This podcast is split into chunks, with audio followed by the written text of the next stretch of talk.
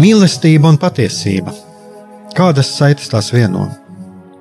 Mēs esam cieši saistīti pirmkārt ar sevi, ar savu būtību, un arī ar pārējo pasauli, ar līdzcilvēkiem, ar sabiedrību. Kur ir mūsu vieta šajā pasaulē? Kā mums katram atrast savu patieso aicinājumu un vietu? Kā sasniegt savas dzīves piepildījumu, mīlestību? Kādi šķēršļi gan mūsu sirdī un prātā sastopamie, gan ārējie aizķēso mūsu ceļu pie Dieva? Šie jautājumi ir mūsu dzīves sastāvdaļa, svarīgi mūsu ceļā uz svētumu. Meklēsim šajā raidījumā kopā atbildes uz šiem jautājumiem. Ieklausīsimies, ko Dievs mums vēlas pateikt ar visu, ko sastopam savā dzīvē. Lai mūsu sirds un prāti atveras mīlestībai un patiesībai, raidījums mīliet cits citu.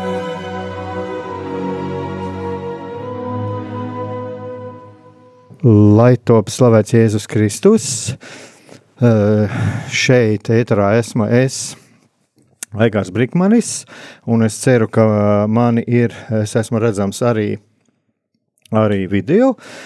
Un šis atkal ir raidījums Mīliet cits citu, un šodienas tēma ir tā, par kuru jau mēs ar Jāni Jākapsonu runājām pirms kādām, nu jau šķiet pāris vai pat trīs nedēļām mums bija rēdījuma apkār, atkārtojumā, jo tad nevienu brīdi netika Jānis, tad nāk, e, pagājušā nedēļā netiku es.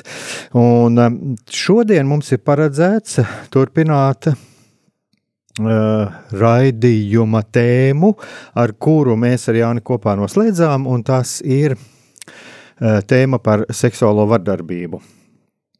Un uh, Jānis kavējas.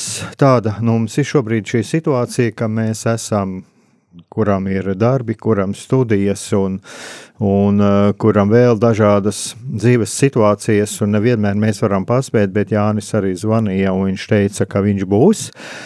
Un, tātad es mēģināšu mazliet tādu ievadu, un patiesībā arī šis ir tāds, tāds piemērs, ka mums dzīvē ir jāpiemērojas arī tādām negaidītām situācijām reiz par reizēm, un tā, nu tas ir sanācis, ka tas ir arī man. Bet uh, varbūt arī es varu, Dievs arī devis šo iespēju, ka es varu šo situāciju izmantot un mazliet par šo tēmu parunāt, uh, parunāt no tāda skatu punkta, ka uh, patiesībā jau tas, ko mēs šeit ar Jāni runājam, tā ir tikai tāda viena eh, ļoti salīdzinoši šaura, būtiska, svarīga, bet šaura sfēra. Tas ir šī psiholoģiskie un garīgie aspekti. Bet patiesībā šī tēma ir, manuprāt, ir skatāma daudz plašāk, un, un es arī ceru, varbūt, ka arī nākotnē izdosies ieskatīties, paskatīties arī šeit redzījumā uz šo lietu daudz plašāk. Un, Pirmkārt, jau vēsturiskā perspektīvā, jo tā varbūt dažiem šķiet, ka tā ir kaut kāda mūsu laika pro problēma, bet patiesībā es domāju, ka tā nav. Jo šī seksualitātes tēma, pat cik viņa ir bijusi gadsimtiem ilgi, daļējs tāds kā tabū runāt par to, runāt ar tuviniekiem, un, un arī varētu teikt tā, kad savā ziņā tāda izkropļota izpratne par, par šo seksuālo intimitāti ir pastāvējusi. Uh, nu, tas ir tādā mūsu skatījumā, ka sabiedrībā, sabiedrības locekļi nav bijuši gatavi par to runāt. Bet viņa ir izkropļota dažu, dažu, cilvēku, dažu cilvēku skatījums, man, manuprāt, ir izkropļots arī runājot par šo uh, seksualitātes tēmu. Bet pie kā es gribu atgriezties pie šīs vēsturiskās perspektīvas, ka droši vien jau nu nav tā, ka tā ir tikai mūsu laiku problēma, bet kāpēc es runāju arī par šo izkropļoto skatījumu? Tāpēc, ka kādreiz kā par to nerunāja, un uh, tas, ka par to nerunāja, nenozīmē, ka šāda problēma nav pastāvējusi. Ja par lietu nerunā, tas nenozīmē, ka viņas nav. Tas vienkārši nozīmē, lūk, šeit jau arī Jānis ierodās. Eh, tas nenozīmē, ka šīs lietas nav. viņa ir bijusi, un viņa ir bijusi jau agrāk, un es esmu pārliecināts, ka ir bijusi, ka šī seksuālā vardarbība ir pastāvējusi, viņa ir pastāvējusi visā sabiedrībā, bet ir vairāki dažādi aspekti, par kuriem mums būtu jārunā, kāpēc tas tiek pieļauts, kāpēc tas tiek noklusēts, kāda iemesla dēļ tas ir ticis noklusēts, un kāda iemesla dēļ to noklusē vēl joprojām. Tātad šī vēsturiskā perspektīva, un mums ir arī jāatsakās savā ziņā, ir jāmā, jāmācās nevis savā ziņā, bet tiešām ir jāmācās atteikties arī no pagātnes idealizēšanas, bet pag skatīties uz pagātni mm, visā kopumā. Ne, Nevelti svētajos rakstos ir arī teikts, jūs atzīsiet patiesību, un patiesība darīs jūs brīvus. Otrs, ko es gribētu, izmantojot šo laiku, kamēr Jānis gatavojos eh, pateikt, arī to, ka nodalīt, nodalīt, piemēram, pedofīliju no vispār seksuālās vardarbības un arī nodal, nodalīt seksuālo vardarbību no seksuālās orientācijas. Jo te ir arī šī problēma, ko es redzu arī, un sevišķi kristiešu vidē, nu varbūt es tāpēc redzu biežāk, es apgrozos kristiešu vidē, iznāk man tā. Bet visā sabiedrībā arī šis priekšstats ir seksuālo orientāciju saistīta ar vārdarbību, kas, eh, manuprāt, arī nu, nav gluži tā saliekams kopā. Nu, Jānis tagad ir atgriezies beidzot, vai, vai ieradies, pareizāk sakot. Jā, sveicināt, darbie radio klausītāji, un uh, man uh, uzreiz gribās iesaistīties, papildināt to, ko tu, Aigar, tikko teici, par to, ka uh, seksuāla orientācija nenozīmē uzreiz, ka šis cilvēks, uh, teiksim, ir uh, pedofils, jā, vai viņš ir uh, tendēts veikt kaut kādu seksuālu vardarbību. Nebūt nē. Mēs zinām, uh, ka pasaulē ir ļoti daudz cilvēku ar uh, to pašu homoseksuālu orientāciju, uh, kuri no visas sirds grib mīlēt Dievu, viņi cenšas to darīt, un viņi saprot, ka varbūt tas um, stāvoklis, kurā viņi atrodas, priekš viņiem ir liels izaicinājums, savā ziņā kā krusts, jā, aic, aicinājums uz šķīstību un tāpat laikā šī te uh, kon, kon, konkrētā cilvēka seksuāla orientācija. Tāpēc um, Jā, seksuāla orientācija nebūtu nenozīmē, ka cilvēks uzreiz uh, ir pierakstāms kādā antisociālu personu kategorijā. Bet, uh, jā, runājot šodien par uh, mūsu tematu, turpinot par šo te seksuālu vardarbību, mm, man arī uzrunāja to, ko es ar, uh, tikko ar vienu ausi tā ieskrējot iekšā studijā dzirdēju, to Egar teici par to, kad uh, neidealizēt šo te pagātni, ja? un, un man liekas, ka šis ir tas viens no momentiem, kā Uh, un arī tas, ko es redzu, uz ko aicina pāvests Francisks un arī iepriekšējie pāvesti, ka baznīcai ir jābūt caurspīdīgai, viņai ir jābūt caurredzamai, ka mums nav ko slēpt, uh, ka mums nav ko mm, kaut kur stūros paslēpt, uh, uz atslēgu aizslēgt, un, un tagad no visiem to, to ir jāpaslēp. Mums jābūt caurspīdīgiem. Mums ir jābūt caurspīdīgiem, kā Kristus aicina mums būt godīgiem un patiesiem. Valsts priekšā kā pilsoņiem mums ir jācenšās dzīvot pēc iespējas maksimāli taisnīgu dzīvi, paklausot likumam, būt par labiem pilsoņiem, maksāt nodokļus un tā tālāk un tā tālāk. Un tas attiecas arī uz kristīgo aicinājumu būt caurspīdīgiem, būt caurredzamiem. Bet šeit ir jāsaka, ka Jā, manuprāt, viena no tādām lietām, kas, kas uh, ir kā tāds, varētu teikt, traucēklis šai te, uh, tādai caurspīdīgumam, uh, lai mēs arvien vairāk kļūtu caurspīdīgāki, uh, baznīcā tas, kad um, kaut kādā mērā seko līdzi iepriekšējo gadsimtu, mm, tā teikt, es teiktu, tāda varbūt kā tādas tradīcijas, nevis tradīcija ar lielo burtu, bet tradīcijas, kuras kaut kādā mērā ietekmē vēl uh, mūsdienās to, kā formējās mūsdienas kristietis. Nu, piemēram, mēs esam jau ar tevi Aigar pašu runājuši ēterā, ka ja mēs paņemam svēto Terēzi no Lizie, ja, mēs nevaram attiecināt viņas dzīves gājumu un viņas svētumu pilnā mērā uz kādas citas jaunas meitenes dzīvi. Jo cita meitene būs ar citu temperamentu, no citas ģimenes, ar citiem gēniem, ar savām personības tipa īpatnībām, ar savām emocionālām grūtībām, ar savām stiprām vājām pusēm, Jā, un gal galā ar savu aicinājumu garīgo, kuru Dievs šim cilvēkam ir nolicis, jā, vai tā kā aicina iet.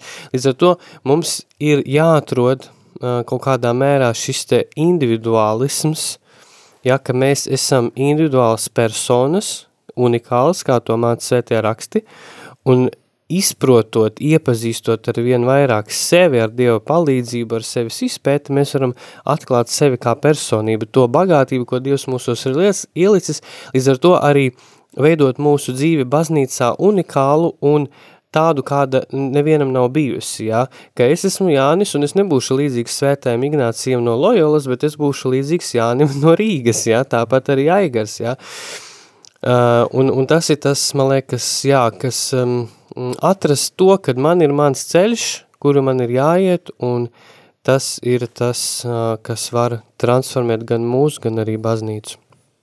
E, jā, es tā mazliet, tas, ko tu tagad teici, jā, tas būtībā nozīmē dzīvot savu autentisko dzīvi, uh, Uh, es, jā, šeit ir vairākas reizes tas uzsvērts, un nekopēt, nekopēt kāda cita cilvēka dzīvi, pieņemt pašam sevi, pieņemt pašam savu dzīvi. Uh, tā ir viena no tādām problēmām, es domāju, var būt mums, ka mums ir kaut kāda autoritāte, ko mēs vēlamies kopēt bet uh, tas nebūtu tas, ko Dievs no mums vēlās.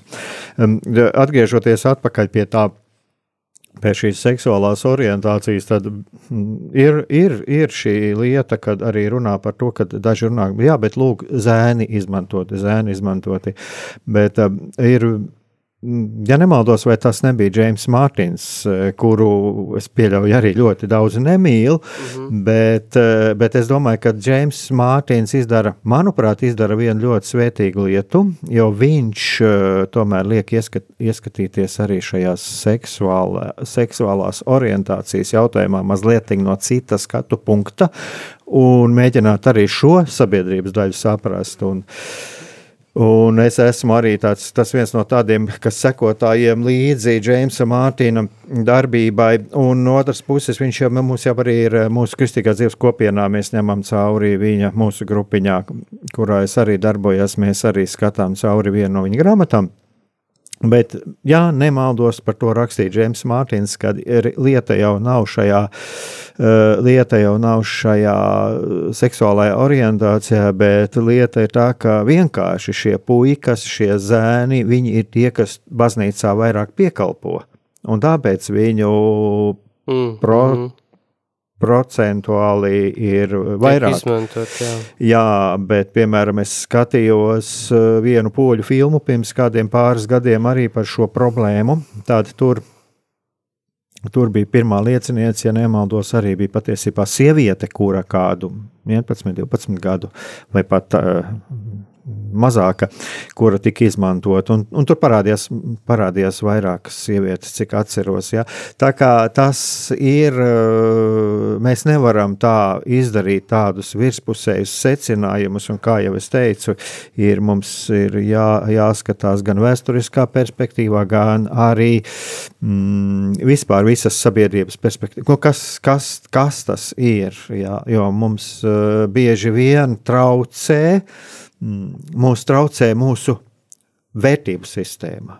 Un es šajā gadījumā arī gribu teikt, ka ir pozitīvi, ir labi, ka mums ir šīs vērtības, jā, bet bieži vien mūsu uh, vērtību sistēma, mēs, mums, uh, mēs iekļūstam tādā uh, subjektīvisma rāmītī, Un pietiek tikai kādam pabiedēt, lūk, lūk, tie ir tie, kas apdraud, apdraud tavu identitāti, apdraud tavu seksualitāti, apdraud. Un mēs sākam skatīties nevis plašāk, bet mēs sākam skatīties no sava rāmīša, no savu cietokšņa pozīcijām. Un tā man šķiet ir viena no lielākajām problēmām, ar ko kristietība uh, -hmm. iet. Uh, To mēs redzam gan Latvijā, gan pasaulē. Un, jā, tā ir tā melns balts domāšana. Melns balts domāšana un uh, Un es uh, vairākas konferences klausījos gan par citu tēmu, jā, bet kas arī saistās ar tiem, tagad, gan kas ar Covid un, un, un, un visu šī situācija.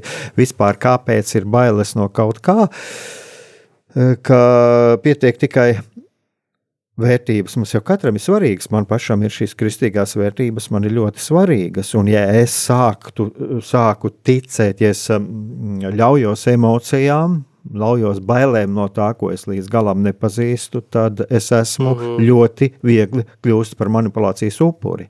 Un tas ir ļoti zīmīgi šo seksuālo uh, tēmu par seksualitāti. Un, un šķiet, ka tu jau pieskāries mazliet jau arī tām, par ko, par ko jau es te gribēju runāt, un es pierakst, pierakstīju. Bet tagad varbūt varam kādu muzikālo pauzīti paņemt.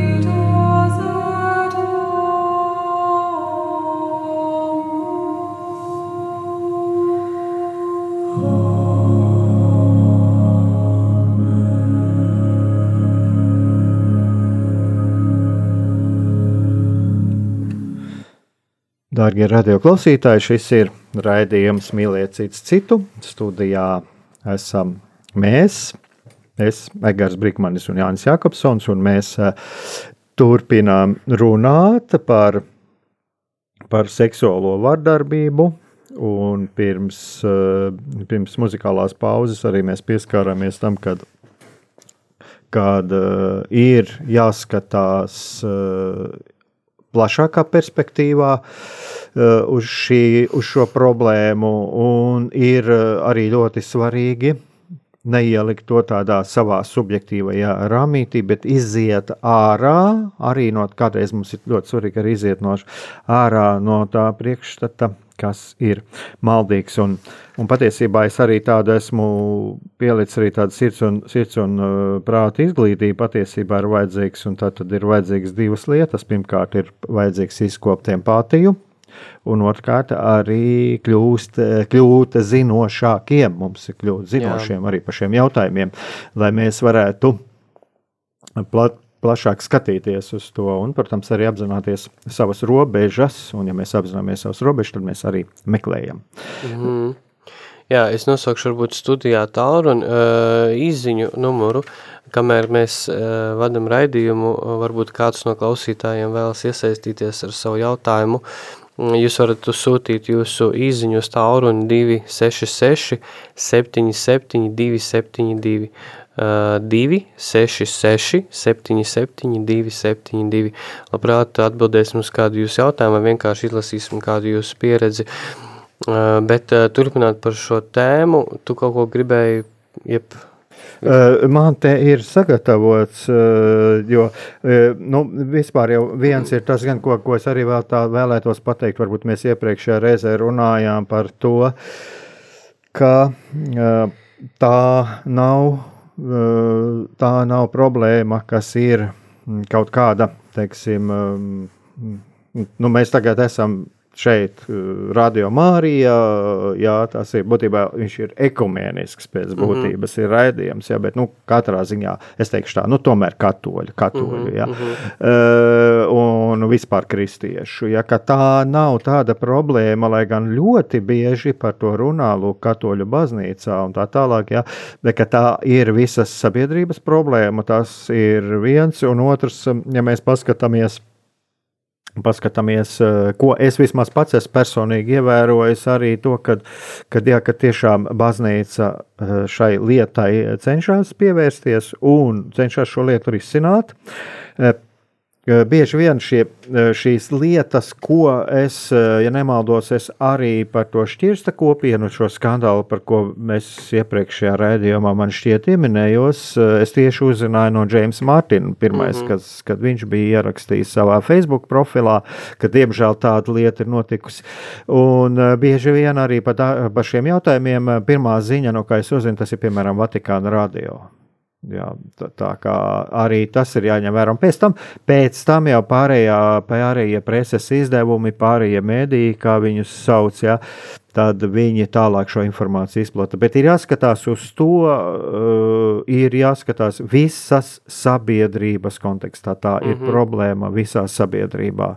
Um, Jā, tas ir ģimenes, skolas, sporta komandas, eh, treneri. treneri. Es jau pagājušajā reizē arī man šķiet, arī to Amerikas lielo skandālu minēju, eh, un eh, pie skautiem. Tā, tā ir visas, visas sabiedrības problēma. Nu, Jā. tas ir tas, ko es vēl arī vēlējos atgādināt. Jā, es, es gribu pateikt, paturpinot to, ko es iepriekš jau teicu, jā, par šo te caurspīdīgumu. Uh, ka, mm, manuprāt, tā, tā viena no tādām, viens no cilvēces tādiem, teikt, dzinējiem, jeb katalizatoriem, kā cilvēce var pastāvēt un attīstīties, tā skaitā, uh, un jo īpaši baznīca, uh, tā ir spēja būt uh, patiesiem un runāt, ja, tā kā neklusēt runāt. Mēs zinām, ka Latvija uh, Eiropas Savienības statistikā ir pirmajās trīs vietās, nepateikšu otrajā vai pirmajā vietā pēc pašnāvību, pēc pašnāvību reitingiem. Par ko tas liecina? Tas liecina to, ka mūsu valstī daudziem cilvēkiem ir mentālas problēmas. Un šīs mentālas problēmas, viņas ir arī daudziem baznīcā. Mēs vienkārši tos cilvēkus vai nu neredzam, vai nu mēs, vai nu, vai nu viņi ļoti labi tā kā savu stāvokli slēpj, baidoties no tā, ka viņi tiks kaut kādā veidā ja tā var teikt, atmaskoti, kā vai nu viņi tiks nu, kaut kā neizprasti, ja, vai cilvēks baidās kļūt ievainot šajā stāvoklī. Bet vēl viena lieta, tu runā tagad par tiem varmākām vai par tiem, kas ir upuri? Uh, nē, par upuriem. Par upuriem, kas ir jā. ar depresiju. Jā, ā, tas ir tieši par depresiju. Uh -huh, uh -huh. Uh -huh. Jā, jā, paskaidrošu, kāpēc es tādu, tādu ievadu saku, jā, bet nu, tā doma ir, ka uh, lai nebūtu šo mentālo saslimstību, lai nebūtu uh, varas uh, izkropļošanas, ja, jo kas notiek tad, kad pieņemsim kāds garīdznieks mm, seksuāli izmanto bērnu, tas nozīmē, ka viņš viņam dot to varu izkropļo, ja viņš viņu lieto nepareizi, uh, savu autoritāti, kas viņam tiek piešķirta, un lai, neti, lai, lai sabiedrībā un baznīcā nebūtu šīs te problēmas ar varu, uh, ar, ar seksuālu vardarbību, ar depresiju, ar dažādām mentālām saslimstībām. Galvenā atslēga, viena no galvenajām ir runāt, neklusēt. Ja? Un, un kāpēc es to saku? Jo, mm, manuprāt, bieži vien tad, kad notiek kaut kāda veida šī te, mm, šī te vardarbība, tad tas, kas veic vardarbību, šis te varmāka, viņš ļoti labi māk manipulēt ar upuri tā, lai tas upuris klusē. Jā, lai viņš nestāst par to, kas ir noticis. Un šeit man nāk uh, uzreiz prātā kāds piemērs, mm, viens uh, amerikāņu mācītājs uh, no kādas protestantu draudzes baznīcas, tagad nepateikšu no kuras tieši, bet viņš nomira pirms uh, apmēram diviem gadiem no vēža. Viņu sauc Ravīza Harijas, un uh, viņš bija, cik saprotu, indiešu izcelsmes, Un, uh, jā, tad, tad viņš li, līdz viņa nāvei, viņš Amerikā skaitījās top mācītājs. Tā kā protestantiskajā baznīcas vidē viņš skaitījās tā kā līderis, kuru abrīnoja gan, gan lai, gan mācītāji, un viņš bija wow. Viņš bija gan teologs, gan mācītājs, viņš tur sludināja Dievu vārdu un tā. Un pēc viņa nāves izrādījās, ka uh, viņš uh, seksuāli izmantoja sievietes. Būdams precēts cilvēks, būdams mācītājs, viņš izmantoja daudzas sievietes, par to ir liecības, kuras jau tiek apstiprinātas, un visai uh, kristīgai, vismaz protestantu baznīcas daļai, visiem ir šoks, acis krīt vaļā, un kas vispār notiek. Svēts cilvēks pēkšņi ir kļuvis par, par varmāku un, un, un grēcinieku, ja? Un um, Jā, tas parāda to, ka tas, tas īstenībā parāda to, ka idealizēt cilvēku, vienalga kāds viņš būtu, tas ir kaut kādā mērā bīstami. Jā, un man liekas, ka mums kā kristiešiem arī piemīt šī tendence idealizēt cilvēkus. Uh, idealizēt vajag, bet uh, ar piesardzību, ar piesardzību, jā, jo uh, mēs, mēs katrs neesam ideāli, mēs neesam perfekti, tikai Dievs ir, ir perfekts un, un Dievu var idealizēt. Bet kā mēs redzam šis te piemērs ar šo te Ravi Zaharijas, viņa it kā skaistā, dievbīgā, šķīstā dzīve izrādījās beigās uh, nu, tāds tukšmais, jā, par kuru tagad atliek vien bēdāties un, uh, un, un, un plātīt rokas, un atkal stāsti par to, ka uh, mums ir jārunā, mums ir jārunā, mums ir jārunā, mums, mums nevajag klusēt. Mums jārunā. Ja, ja, ja kāds no klausītājiem jūtas slikti un, un tu esi baznīcas loceklis, tev ir mentāls grūtības, tev ir emocionāls problēmas, runā, zvani uz krīzes centriem, atrodi kādu priesteri, mācītāju, vienalga, bet uh, runā par savu stāvokli un tad atradīsies izēja. Jā, tu pieskāries vienai šādai vienam šim jautājumam, par kur es arī jau gribēju teikt, bet tu jau, tu jau daļai to pateici. Ir jau tā viena no lielajām problēmām, ir tā, ka bieži vien, uh, un patiesībā ļoti, ļoti daudzos gadījumos šie varmākas, un kas attiecās arī uz seksuālo vardarbību, viņi, viņi ļoti labi prot sevi pasniegt. Jā, un, jā, jā, tur, un kāpēc es arī Kāpēc es arī runāju par šo jautājumu, kad no vienas puses mācīties empātiju, un no otras puses arī mm, būt zinošiem, un būt arī zinošiem un gudriem šajā jomā.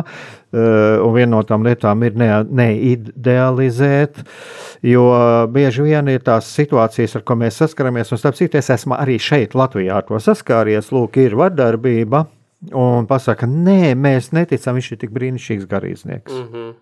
Ir, nu, ir tādi gadījumi, ir teikšam, reāli, kur ir bijuši jau pirms jā, kādiem es, gadiem. Pēc tam arī padalīšos. Jā, un uh, tas patiesībā ir ar vardarbību. Es zinu, ka bija arī šis Rebaltika pētījums par šo vardarbību pret sievietēm, kur arī lielākā problēma ir tā, ka viņi ļoti labi spēj sev pasniegt, ja kurš var māca. Es nerunāju par kaut kādiem, kas, nu, tādi atklāti, visiem redzami rīkojās, bet tie, kas šo. Jā, jā izkopti, izsmalcināti. Nu, viņi ir intelektuāļi. Viņi ir intelektuāļi, jā, savā ziņā, jā, tā varētu teikt. Un, lūk, tā ir tā viena no lielākajām problēmām. Un šis upuris tādā gadījumā viņš bieži vien paliek viens pats neuzklausīts, un tad, kad viņš aiziet un mēģina kādam stāstīt, viņš tiek noraidīts, un viņš vēl ieiet, vēl, viņš, saņem, viņš vēl saņem papildus ievainojumu. Jā. Jā, jā.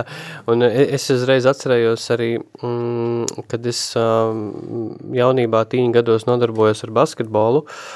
Mm, arī man ir bijusi pieredze, kur uh, kāds treneris uh, par to, ka es nevarēju izpildīt konkrētu uh, uzdevumu, ka es nevarēju izpildīt konkrētu kāju kombināciju tikai tā iemesla dēļ, ka uh, mans uh, kā tas vesti, vestibulārais aparāts nebija spējīgs uh, tādā veidā nofunkcionēt, es nevarētu nu, konkrētu tā kā kāju tādu salikumu uztaisīt un metienu, ja.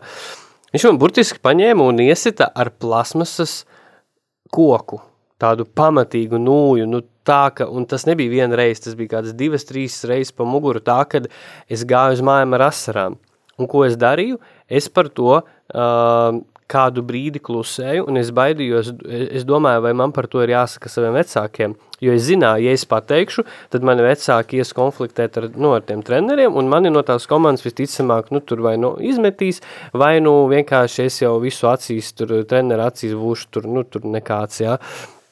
Un tāpat es tur jau tuvākajā laikā pēc tam to komandu nomainīju, bet jā, stāsti par to, ka bieži vien tas cilvēks, kas ir upuris, viņš baidās runāt, jo uh, Uh, viņš baidās no tām sekām, ja, kad, nu, kā reaģēs varmāka, ja, uh, vai, vai to upuri kāds sapratīs, vai viņu kāds varēs izglābt, un tā tālāk. Tur ir tas aspekts, ka cilvēks tiešām tā kā kļūst iebaidīts, un ja vēl varmāka māk manipulēt, nu, tad, diemžēl, tam upurim viņam uh, ir vajadzīga pa palīdzība no malas.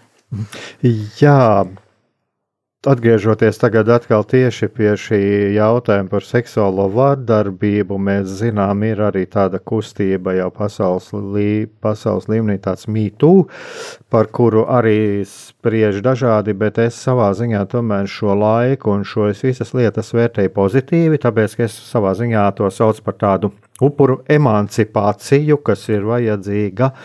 Eh, šī upuru emancipācija ir vajadzīga patiesībā sabiedrības šķīstīšanai, un tas sasaucās arī ar to, ko tu teici. Ka ļoti svarīgi šīs lietas um, neturēt pie sevis, bet man ir uh, jau šodien, gatavojoties šim raidījumam, radās arī tāda ķecerīga doma, es teikšu tā nu, ķecerojies. Jā, jo kas ir par lietu, mums ir ļoti, ļoti lielu kritiku. Mēs dzirdam par šo 60. gadi, šī seksuālā revolūcija un tā tālāk, bet man gan šķiet, ka šī seksuālā revolūcija pati par sevi, mēs uz viņu varam skatīties kā uz tādu tā laika fenomenu, Mm -hmm. kuram ir, varētu, mēs varētu dažādi viedokļi būt par šīm sekām, bet man šķiet, ka šeit ir viena diezgan pozitīva lieta, ka tas noņēma e, šo aizsegu, kas ir, es atkal atgriezīšos pie vēstures, kas ir gadsimtiem ilgi, ir bijis pār šo seksualitāti. Jā. Un es atceros vēl, tad, kad bija, man bija pāri 20 gadi, kad bija šis zilīts numurs, kā uztraucās vēl paudzes, kas bija vecākas par mani, un ārprāts, ārprāts noņem in intimitātei, tur tagad nekas vairs nebūs svēts un intīms. Bet eh, tas jau neliedz eh, diviem eh, savstarpēji mīlošiem cilvēkiem intīmi šo savu seksuālo dzīvi izdzīvot, tas neliedz, jo tā ne jau tā intimitāte ir tik daudz tajā fizioloģijā, kā tas, kā šie cilvēki to kopā izdzīvo. Mhm. -huh. Bet tur ir viena, man šķiet, ir pozitīvā lieta, ka līdz ar to, kad sāka par šo seksu runāt atklāti, uh, arī tie cilvēki, kas ir bijuši cietuši, arī viņi sākuši iedrošināties Jā. par šīm lietām runāt. Mm -hmm. Jā, es tev, es tev Egaru varu piekrist, un uh, es uzskatu, ka uh, kad uh, vispār šie te daudzie kultūras, ja, te, ja tā teikt, uzslāņojumi, jeb uh, kaut kādas revolūcijas fenomeni, kas notiek uh, katrā gadsimtā, viņi parāda par kaut kādu uh, tā kā buksēšanu, kaut kādu iestrēgšanu, kur, kur sabiedrība tiek iest, tā kā kļūst iestrēgus. Nu, piemēram, ja mēs runājam par to, kā radās psiholoģija.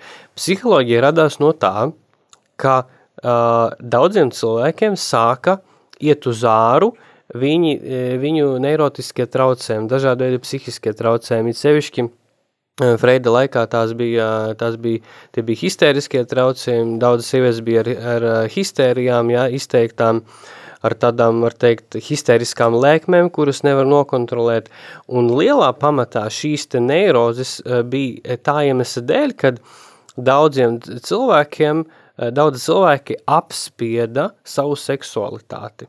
Apspieda savu seksualitāti tādā ziņā, kad uh, viņi par to vispār nerunāja, viņi par to vispār nerunāja, un tas bija tāds absolūts tabū. Tā kā it kā seksa vispār nav. Ja? Tā kā bērns uh, rodas no tā, ka viņu atnes stārķis.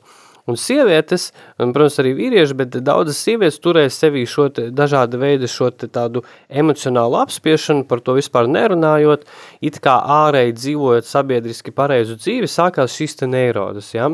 Bet seksuālā tematika nebija vienīgā, kādēļ sākās šīs histērijas, bet viena no. Vai tur nevarētu būt arī par moralizēšanu? E, Jā. Viktorijas laika morāle, tur sieviete nedrīkst parādīt jā. savu seksualitāti. Mm. Jā, jā, es tagad precīzi nepateikšu, bet tur bija vairāk šie te kultūras tādi nopietni iemesli, kuri sāka radīt šos te neurotiskos traucējumus un radi, radās pieprasījums pēc psiholoģijas, un tad, tad, tad parādās Freids, kas, kas pēc tautības ir ebrejs, kas ir arī, manuprāt, tāda dieva apredzība, ka viņš, būdams ateists, tomēr Dievs lieto šo cilvēku, lai viņš atklātu pasaulē psihoanalīzi, pēc kuras sāk attīstīties psiholoģija, tad kognitīvā psiholoģija, zinātņu psiholoģija, un, un psiholoģijā notiek revolūcija, un mūsdienās psiholoģija burtiski glāb miljoniem cilvēku dzīves, tā skaitā kristieši, ja, un tas nāk no, uh, savā ziņā no, no viena maza eh, ebreju onkulīša, kurš sevi pozicionē kā ateistu. Labi, tur Freids nebija vienīgais, kas eh, psiholoģiju attīstīja, bet viņš bija viens no galvenajiem. Un, eh, Kāpēc es šo saku? Jā, ka katrā gadsimtā ir kaut kādi uzslāņojumi, un tālāk šī seksuāla revolūcija. Tā tad bija uh, tas, ko uh, psiholoģijā mēs saucam par ēnu, bija kaut kāda ēnas daļa sabiedrībā, uh, tāda te kompleksā ēna, uh, kuru sabiedrība noliedza. Un vienā brīdī tas uzsprāgst, un, mēs, un sabiedrība pasaka, klausieties, mīļie, mums vispār, mēs esam seksuāls būtnes, Jā, bet mēs par to klusējam visu laiku, tā kā, ko mums tagad ar šo darīt? Un tad, kad tiek ilgi klusēts kaut kas, kas cilvēkam ir ļoti svarīgs, tad, diemžēl, tas nāk ārā uh, dažādos neparedzamos un nelabos veidos. Un šajā gadījumā mēs varam teikt, ka jā, seksuāla revolūcija aiz sevis nesa arī daudz negatīvas tendences, jā. Bet, bet ja laicīgi pievērstos cilvēki šim jautājumam sabiedrība, jā, kas notiek ar cilvēku seksualitāti, tad iespējams šīs seksuālās revolūcijas nemaz nebūtu, jā. Tāpat mēs varam runāt arī par reformāciju, kas notika 16. gadsimtā. Uh, bija kaut kādos mm, baznīcas reģionos, uh, teiksim tā, ticības izkropļošana, kas radīja atkal konkrētiem cilvēkiem, nezinu, Mārtiņam, Luteram un, un vēl citiem, nu, tādu kā sacelšanos, ja? Protams, es neatbalstu šķelšanos, es domāju, mēs kā baznīca neatbalstam šķelšanos, un, un, un skaidrs, ka mēs esam par vienotību, bet vienkārši, ja mēs runājam par, par iemesliem, kādēļ radās šī reformācija, uh, kaut kas buksēja. Ja, un kad vienmēr kaut kas buksē, par kaut ko netiek runāts, kaut kas tiek noklusēts, tad rodas sprādziens. Un kad sprāks, tad viss lido pa, nu, pa visiem stūriem, ja, un tad ir jāvāc to visu. Mm -hmm. uh, es domāju, ka šeit ir tāda es varu pievērsties arī tādai sev iemīļotai tēmai, uh, konfrontācijai. Uh, man šķiet, šeit ir ļoti liela svētība gan Mārtiņš Luters baznīcai. Konfrontēt ar šo situāciju, tas ir apmēram tā kā mans viedoklis, lai es varētu garīgi, intelektuāli augt, lai varētu paplašināt savu redzesloku. Mans viedoklis uh, prasās pēc konfrontācijas ar citu viedokli. Mm -hmm. Mēģināt paskatīties uz šo jautājumu no citas skatu punkta un Jā. tad salīdzināt. Es domāju, ka šī ir arī tāda ļoti svarīga lieta. Nu jā, tas ir tas, atkal, mēs var, kā mēs varam no kaut kāda zināma, ja tā teikt, ļaunuma e, izdabūt kaut kādu labumu. Jā? Nu, tas, ka notika šķelšanās, mēs to nu, varam nosaukt par ļaunumu. Jā?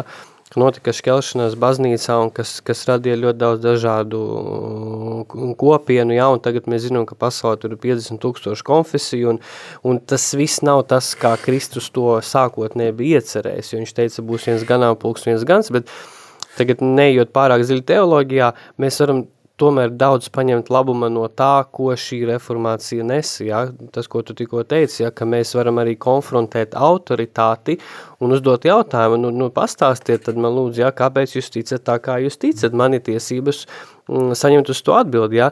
Protams, mēs nerunājam par to, kad ir jāšķiļās, bet e, mēs varam, piemēram, konfrontēt, ja? un tas varbūt ir viens no tiem aspektiem, ko, ko Luters kā kā, kā personība nu, kā, ie, ie, ienesa, jā, teiksim, tādā kristīgajā procesā. Nu jā, kaut kā tā, ka katrā, katrā ļaunumā var atrast kaut ko labu, jā, un, un um, skatīties plašāk, jo, uh, ziniet, arī, kā, kā mēs jau bijām tikko minējuši, šī te baltas melnas domāšana, viņa ir ļoti bīstama, viņa ir ļoti bīstama, jo uh, viņa, viņa nav labvēlīga psiholoģiskai izaugsmai, psiholoģiskam briedumam. Cilvēkam ir jāmāk skatīties plaši, nepazaudējot savas vērtības, bet tāpat laikā skatīties plaši un no dažādiem, ja tā teikt, um, skatu punktiem. Nu, mums jāuzmanās arī, lai nekļūstam mēs kā tāds savu veidu tāds uh, kristīgais talibans, skatoties uz pasauli. Jā. un baidoties no visa, kas, eh, kas neatbilst eh, tām mūsu redzējumam. Jā, bet tagad atgriežoties atkal pie šīs seksualitātes, bet eh, ļoti interesanta tēma šī konfrontācija, jo patiesībā es esmu ļoti, ļoti varbūt pateicīgs, nu, ja nebūtu šo antivakceru, vai tad es būtu tik daudz arī laika veltījis un mēģinājis paskatīties, ko tad mediķi saka par šo lietu, jā, vai teiksim, ka šī cīņa par likumību, kas man tiešām piespieda uh, sēdēt pie datora un meklēt, nu kā tad tur patiesībā rietumos notiek šīs lietas, jā. -hmm. Tā kā, lūk tā, Tā kā es domāju, ka tā ir mm, arī mēs varam no šīm negatīvajām lietām mm, paskatīties, arī atrast kaut ko pozitīvu, un Dievs eh, jebkuru negatīvu lietu arī prot vēst par labu. Bet es tomēr gribētu atgriezties atkal pie šīs eh, jautājuma par šo seksuālo vardarbību un eh, Pirms kāda laika Katolis LV mājaslapā tika publicēts priestera Jāņa Meņikova tāds apskats. Viņš bija kopā ar biskupu Viktoru Stulpinu Polijā, kur notika uh, konference no 19. līdz 22. septembrim, kas tieši veltīts uh, šai vardarbībai baznīcā. Un mani ļoti uzrunāja tāds, ko tur teicis, ir Tomašs Haliks, čehu priesteris filozofs. Jā, šis labi dzirdēts priesteris. Jā, un viņš patiesībā runā par to, kad, eh, kas, kur ir šī vaina, klerikālisms baznīcā un sabiedrībā, padomju režīma ietekme. Eh, un padomju režīma ietekme tā, ka arī šie Vatikāna koncila, Vatikāna otrā koncila lēmumi ļoti, ļoti vēlu tajā padomju teritorijā, ter, teritorijā ir nākuši, un, un to mēs saskaramies arī. Reizē mēs redzam šīs pazīmes arī eh, šeit pat Latvijā. Un, eh, jā, slepenības aizsaks un centieni sargāt baznīcas reputāciju, ka tika tiešām slēpts, slēpts, slēpts šie skandāli. Mm -hmm. Un eh, kas ir ļoti skarbi, bet man šķiet par patiesi, ko ir teicis šis priesteris Tomašs Haliks, Visas postpadomju valstis raksturo liekulība un izvēlēts aklums, mazvērtības kompleksi, ļaunuma meklēšana un tā asociēšana ar rietumiem. Jā, ļoti labi pateikts. Es, es šito pēc tam pārsūti. Jā, tas es iesaku arī pameklēt eh, katolis LV, tur eh, var Šis atrast tiešām pie ir, mājaslapām. Un tad ir, ko vēl šis priesteris, un, un, un tas man ļoti uzrunāja arī, bīstama baznīcas savienība ar populistiskām un nacionalistiskām kustībām. Mm -hmm. Un, ja mēs paskatāmies arī, nu, kas arī šeit pat Latvijā, ja tie, tie lielākie cīnītāji par likumību tagad ir viens otrs kļuvis par lielākajiem antivakceriem. Mm -hmm. Jā. Par kuriem es tikko teicu, pateicoties viņiem, es sāku interesēties, kā tad ir patiesībā. Jā, jā. jā jo man vajadzēja arī likt kontrargumentus cilvēkiem, kuri tur nu, arī šeit ļoti gribēja kaut ko. Jā, tā kā mm, jā. lūk. Tātad baznīcas, tad ļoti, es domāju, ļoti labs brīdinājums. Tas ir baznīcas mm. savienība ar populā, populistiskām un nacionālistiskām organizācijām. Es gan interesanti ir, kā mēs arī runājam, jā, atkal kāds varētu tur jā, cik tur teiksim, ir mūsu pašu nacionālisti un cik tur ir kaut kāda personīgā ieinteresētība. Tā. Bet lūk, eh, ļoti labs brīdinājums. Un vēl viens ir, eh, ko viņš arī atgādināja, ko Pāvests Francisks runāja. Un tas eh, tur arī tiek pieminēts kā nepareiza reakcija, starp citu, uz šo 60. gadu seksuālo revolūciju, ka baznīca, ne, nu, kad viņi arī uh, tā uh, reakcija īstenībā nav, nav bijusi adekvāta, un, un tāpēc arī šīs problēmas. Un viņš arī uh, piemin pāvestu Franciku, pāvestu Francisku, uh mhm. -huh. kurš ir teicis tā, ieciklēšanās uz seksuālo moralitāti ir nerotiska apsēstība. To ir pāvests Francisks Oh, runājis par to. Nodēvējis šo ieciklēšanos uz seksuālo moralitāti par neirotisku apsēstību. Ļoti interesanti. Un es atkal varētu, nu, kādas man ir bijušas domas, tad, kad šeit ir visu laiku ir bijušas ņemšanās par šo tagad homoseksuāļu jautājumu, un tagad homoseksuāļi tur apdraud ģimenes. Es gan nu, nezinu nevienu gadījumu, kur būtu kāds homoseksuāls izšķīris. Jā, ģimeni heteroseksuāļi gan šķir vēl joprojām un šķirās, šķirās uz nebēdu, un, un otrs puses, nu, es, es kā tāds tradicionāli heteroseksuāls, e, nu, e, vienīgais, ko es varu izdarīt pāri, tas ir es pats varu izdarīt pāri savai sievai un, un, un e, šajā jomā, jo, un, un ar, ar sievieti, ja, bet tā kā jākopja pašiem savu ģimenes dzīvi un savu laulību, bet es vienmēr es esmu uzdevis šo jautājumu, kas tad mums ir svarīgāk, kam mums ir svarīgi piemērst, pievērsties, vai kārtīgi palīdzēt e, jaunajiem cilvēkiem sagatavoties laulībai un būt viņiem blakus šajās grūtību brīžos, vai nodarboties ar kaut ko pavisam, pavisam, kas es uzsaucu tādu aizkrāsnes rūķu apkalpošanu, kas būtībā ir ļoti politizēti, ideoloģizēti jautājumi. Mm -hmm. Jā. Un... Jā, es, es atkal gribu raidījuma, raidījums tuvojas nobeigumam, un es gribu nobeigumā mm, pastāstīt arī vienu kādu man tādu vakardienas pieredzi, mm, kas man ļoti uzrunāja.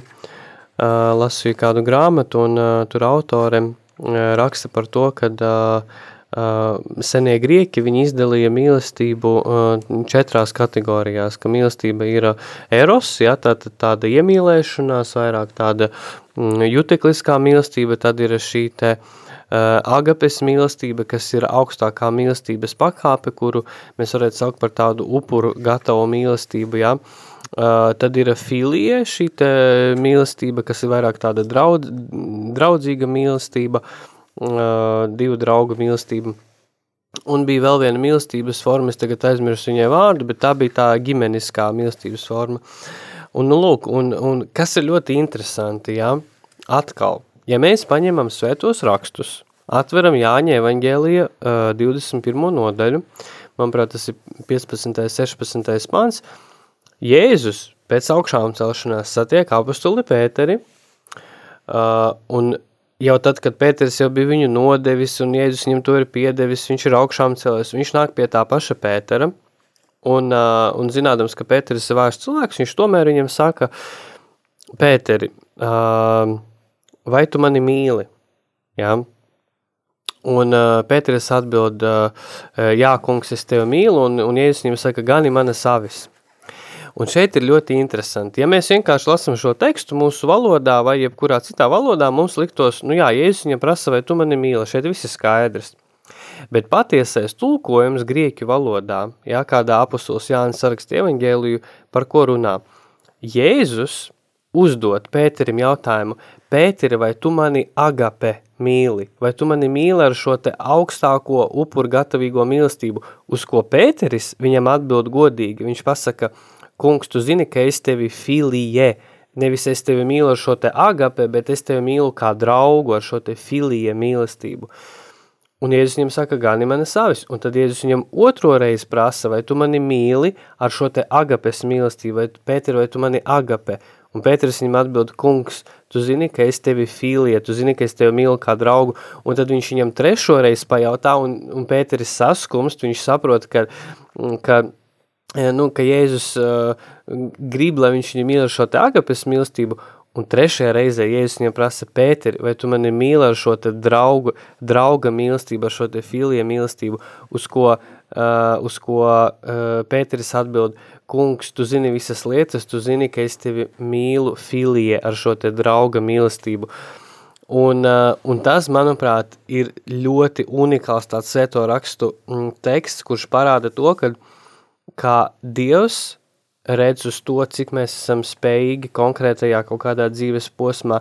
Viņš no Pētera prasa šo te upuru gatavo mīlestību, bet beigās viņš no viņu prasa šo te draudzisko mīlestību. Labi, Pēteri, tu man nevari dot šo te uh, upuru gatavīgo mīlestību, tad mīli mani kā draugu, uz ko Pēteris viņam pasaka, kungs, tu zini, ka es tevi mīlu kā draugu. Es šobrīd vairāk neesmu spējīgs, un Jēzum ar to pietiek, Jēzus to pieņem, viņš viņu svētīja par, eh, par baznīcas galvu, un Pēteris dzīves laikā izaug, un mēs zinām no, no vēstures, ka viņš nomirst pie krusta, krusta nāvē ar šo te agapes mīlestību, kas, manuprāt, ir unikāla vispār liecība tam, kā cilvēks no tādas draudzīgas mīlestības aiziet. Jā, viņam ir ideāls mīlēt ar upuru gatavīgu mīlestību, bet viņš līdz tam aiziet. Un viņš ir godīgs Dievu priekšā, ka kungs, šobrīd es tev varu mīlēt tikai kā draugu. Mhm. Jā, mums ir jānoslēdz raidījums pamazām, bet es eh, noslēgumā tomēr arī gribētu vēl, vēl atkal atgriezties pie šīs tēmas par šo seksuālo vardarbību. Un ir šis jautājums, ja mums jādod labi, mēs runājam par šo situāciju, bet eh, ko darīt? Un eh, Šeit es atkal atgādināšu to, ko jau es vien brīd, vienā, vienā brīdī teicu. Tātad, pirmais, es domāju, ka ļoti svarīgi šī sirds un prāta izglītība Tas nozīmē to, ka empātiju mācīties un arī varētu parunāt arī vēl varbūt kādreiz arī šiem stereotipiem par vīriešu un sieviešu attiecībām. Bet katrā ziņā sajust to, to brīdi, kad cilvēks, kurš ir saņēmis šo ievainojumu, um, būt ar atvērtu sirdi, uzklausīt viņu, Tas tika runāts arī šajā konferencē, par ko es atgādināju arī Polijā, ka baznīcai jābūt atvērtai un arī uzklausīt šos upurus. Atbrīvoties no stereotipiem, mēs bieži arī dzirdam par sievietēm, tur nu, laužās kā jauna meitene un tā tālāk, eh, iemācīties eh, cieņu pret sievieti. Es kādreiz esmu tā teicis, ka arī šī sieviete, šī sievietes intimitāte, tai ir jābūt kā tādam skaistam ziedam, kur, kurai drīkst vispār pieskarties tikai dārznieks. Un kā Jā. baznīca māca, pat, nu, tas ir tas laulātais. Un cienīt šo sievietes un vispār otras personas seksualitāti, kuras saimnieks ir šis cilvēks. Ja? Tātad cie, būt ar šo cieņu un, un tiešām dialogā, empātijā un censties saprast, mācīties saprast otru cilvēku. Arī otru cilvēku, otru cilvēku, kas ir pretējā dzimuma un jebkuru cilvēku šajā jomā, kas saistīts ar seksualitāti. Otra cilvēka seksualitāte ir neaizskārama. Un, kā es arī saku, tas ir kā nu, baznīca māca laulībā savstarpējā piekrišana. Jā Tā, un uh, otrs arī par šiem upuriem. Jā, tiešām runāt un neklusēt un apzināties to, ka ne jau upurim ir jākaunās un jābaidās. Tas nav upura kauns, tā nav upura vaina. Tas ir varmākas kauns, varma, un, un lai baidās varmāka. Ja, protams, ir ļoti, tāpēc ir ļoti svarīga šī empātija, lai mēs šo cilvēku nenoraidītu. Lai mēs viņu nenoraidītu, bet tiešām bez moralizēšanas uzklausītu, neatkarīgi no tā, no kā šis cilvēks būtu cietis. Tās ir šī cilvēka ciešanas, un viņam ir vajadzīga šī palīdzība, viņam ir vajadzīga šī uzklausīšana. Un, un, un esiet, es saku, gan sievietes, vīrieši, bērni vai visi es aicinātu būt. Uh, neturēt pie, to pie sevis, bet atrast, atrast, kam uzticēties. Un būsim, kā mēs, kā kristieši, un arī pārējie klausītāji, kas jūs, klaus, kas jūs klausaties, būsim atvērti, būsim atvērti pret citu cilvēku ciešanām un, un būsim mācīsimies, izkopsim šo empātiju un būsim viņiem blakus, būsim viņiem kā atbalsts un, un neļausim šo ļaunumam izplatīties, lai tiešām šī mūsu sabiedrība kļūtu drošāka un labāka.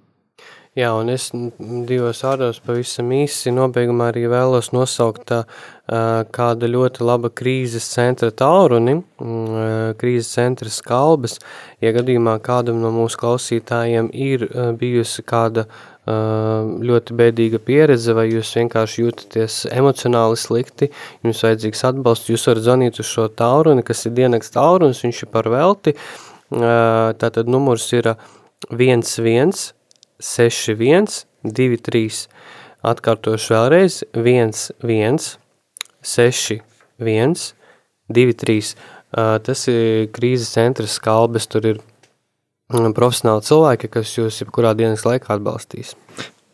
Nu, gan ir tagad jā, jābeidz mūsu rēdījums, un tiešām, lai Dievs mūs sargā, un mēs arī varam lūgties, tiešām, mīļais debes Tēvs, esi, esi mums klātesošs, un dod mums spēku neturēt pie sevis pāridarījumus, un dod mums spēku arī būt, spēku, gudrību un šo dziļo mīlestību, būt atvērtiem, uzklausīt, palīdzēt, būt blakus citiem viņu ciešanās, ciešanās un grūtībās. Jo tikai tā mēs varam padarīt šo pasauli sev apkārt drošāku, labāku un tuvināt tam, ko Dievs vēlās pie mums redzēt. To visu mēs lūdzam caur Jēzu Kristu, mūsu kungu. Āmen. Amen. Lai mūsu dieva žēlastība pavada līdz turpmākajam laikam. Jānis kādu laiku varbūt nebūs, bet Jā. ceru atkal ieraudzīt. Un, un palūdzieties arī par mani, lai man izdodas atrast kādu labu tematu vai varbūt kādu viesi, un tiešām kas varētu uzrunāt uzrunāt sabiedrību un būt par svētību man un mums visiem. Tātad, lūdzu, darbie radioklausītāji, palūdzieties gan par Jāni, gan arī par mani, gan arī par šo raidījumu. Līdz nākamajai reizei, lai mūs visus pavada Dieva žēlastība.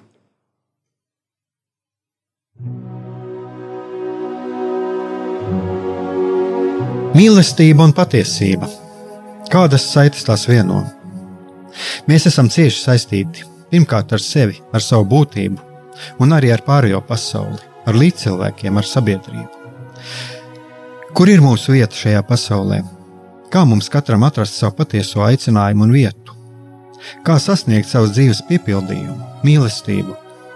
Kādi šķēršļi gan mūsu sirdī un prātā sastopamie, gan ārējie aizķēso mūsu ceļu pie Dieva? Šie jautājumi ir mūsu dzīves sastāvdaļa, svarīgi mūsu ceļā uz svētumu Meklēsim šajā raidījumā kopā atbildes uz šiem jautājumiem. Ieklausīsimies, ko Dievs mums vēlas pateikt ar visu, ko sastopam savā dzīvē. Lai mūsu sirds un prāti atveras mīlestībai un patiesībai, raidījums mīliet citu citu.